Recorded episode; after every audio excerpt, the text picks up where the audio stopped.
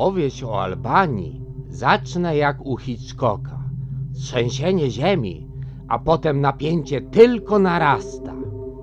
Był rok 2008 i wprawdzie trzęsienia ziemi nie było, ale szok kulturowy był duży.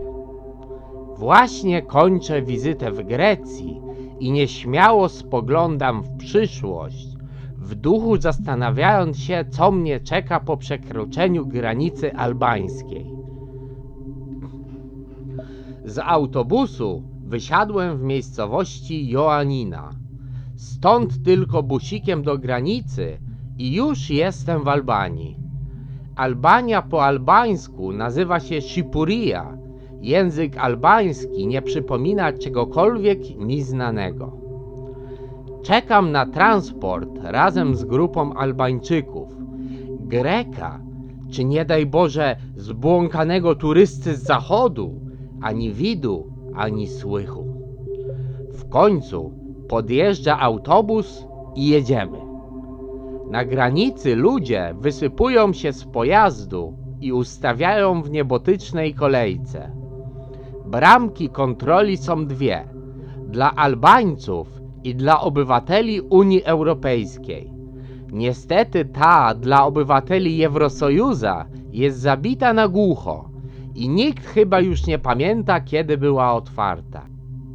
Cóż, w końcu kto o zdrowych zmysłach chciałby opuszczać na piechotę piękną Grecję, by wjechać do ponurej Albanii? Tak więc ustawiam się w długaśnej kolejce do kontroli paszportowej. Czekam i obserwuję. Albańczycy, wszyscy co do jednego, obładowani jakimiś torbami i siatami.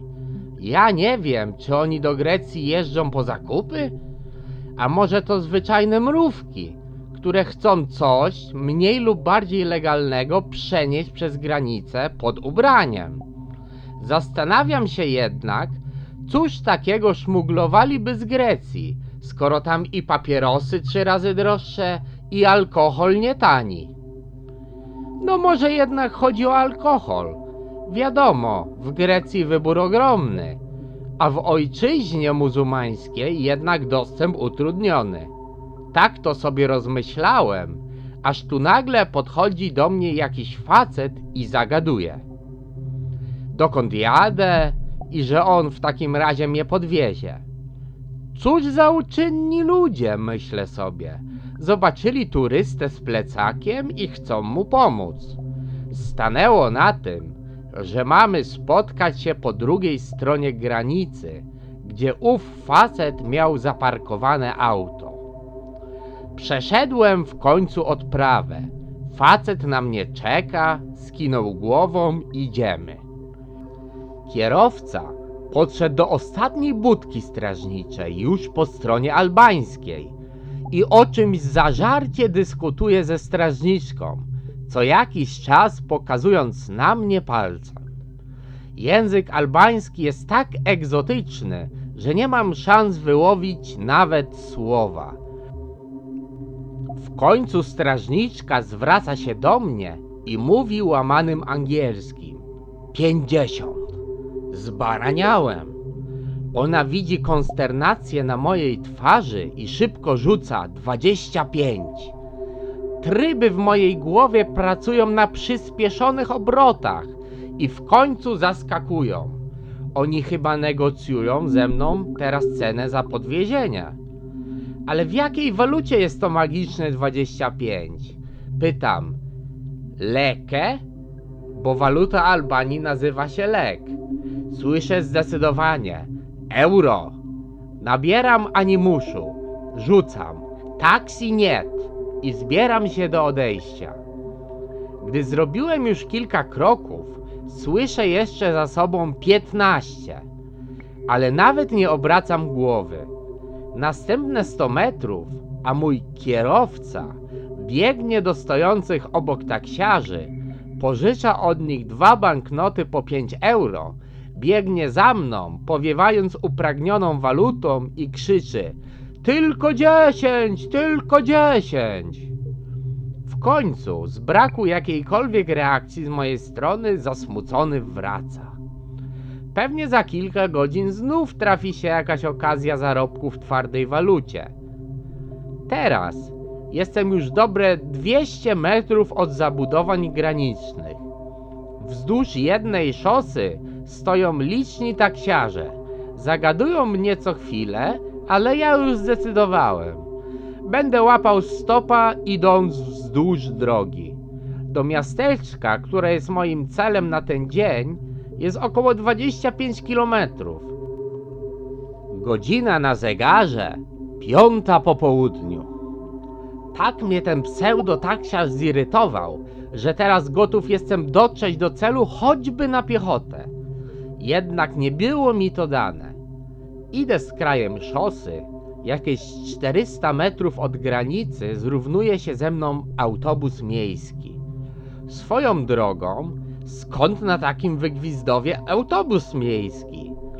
Pojazd zwalnia do tempa mojego kroku, drzwi od strony kierowcy się otwierają. Kierowca rzuca pytająco: Girocaster? Odpowiadam: Girocaster. Jeden euro słyszę. No dobrze, no to pojadę. Później okazało się, że i tak przepłaciłem. Oficjalna cena wynosiła 80 leków, ale kto by tam rozmieniał się na drobne? Tak więc potraktowano mnie jako Westmana i zapłaciłem całe 135 leków, co wówczas przeliczało się na okrągłe 1 euro. W autobusie obserwuję ciekawe zjawisko. Ludzie w pobliżu granicy milczący, spięci, wręcz skuleni na swoim, nad swoimi siatami i pakunkami, jadą w milczeniu, nawet nie rozglądając się na boki i tylko co parę chwil spoglądają trwożliwie przez tylną szybę. Mimo, że już w Albanii, to jednak jeszcze nie do końca u siebie. Strefa nadgraniczna, niczym pas ziemi niczyjej. A nóż jeszcze zatrzymają, zawrócą autobus, do bagażu zajrzą. Uff, już 10 kilometrów przejechaliśmy. Nastroje jakby się rozluźniły. Zaczęły się nieśmiałe rozmowy. Najpierw szeptem, później już normalnie. Wreszcie 5 kilometrów dalej blokada zupełnie puściła. Ludzie już zupełnie swobodnie gawędzą, chodzą po pojeździe, wyjmują z toreb fanty. Naprzeciw mnie siedzi brzuchaty facet w białym podkoszulku. Na jednej z monet albańskich na rewersie przedstawiono jeźdźca dumnie prężącego się na koniu. To przedstawiciel starożytnego ludu Ilirów, do, od którego w prostej linii, jak sami o sobie mówią, pochodzą dzisiejsi Albańczycy. I naraz wspomniany przeze mnie brzuchacz podwija pod koszulek, wypina pierś, jak ten Ilir z monety i klepie się po brzuchu, jakby wybijał jakiś na wpół zapomniany rytm plemiennej pieśni zwycięstwa. Ta, teraz to już prawdziwa, dzika Albania. Już nas nikt nie dogoni i nikt nie zatrzyma. Przy drodze pojawiają się pierwsze betonowe kopuły bunkrów, które jeszcze całkiem niedawno, w czasach teraz już przebrzmiałej dyktatury Envera Hodży, pobudowano jako ratunek na wypadek atomowej agresji zachodnich imperialistów. Czy takie niepozorne betonowe kloce wytrzymałyby wybuch bomby atomowej, gdyby faktycznie jakiś amerykański bombowiec zabłąkał się w te zapomniane przez Boga i ludzi rejony, pozostaje kwestią otwartą. W każdym razie wywołana przez wodza narodu nuklearna histeria spowodowała, że mniejsze lub większe bunkry można spotkać, jak się później przekonałem, na każdym kroku. Od wersji przestronnych, publicznych, aż do przydomowych, od akurat na jedną rodzinę. Tymczasem dojechaliśmy do Girocaster. Tablica z nazwą miejscowości chwiała się na wietrze, przekręcona na jedną, jedyną śrubę. W niewielkim oddaleniu od tablicy leżała sterta śmieci, jak gdyby nic płonęła sobie. Jak gdyby nic to odpowiednie określenie, jako że nieliczni przechodnie kręcący się w pobliżu nie poświęcali temu kuriozum żadnej uwagi. Tak jakby w tym miejscu nic nie leżało i nie płonęło, grożąc pożarem. Oto przekroczyłem granicę, za którą diabeł mówi dobranoc.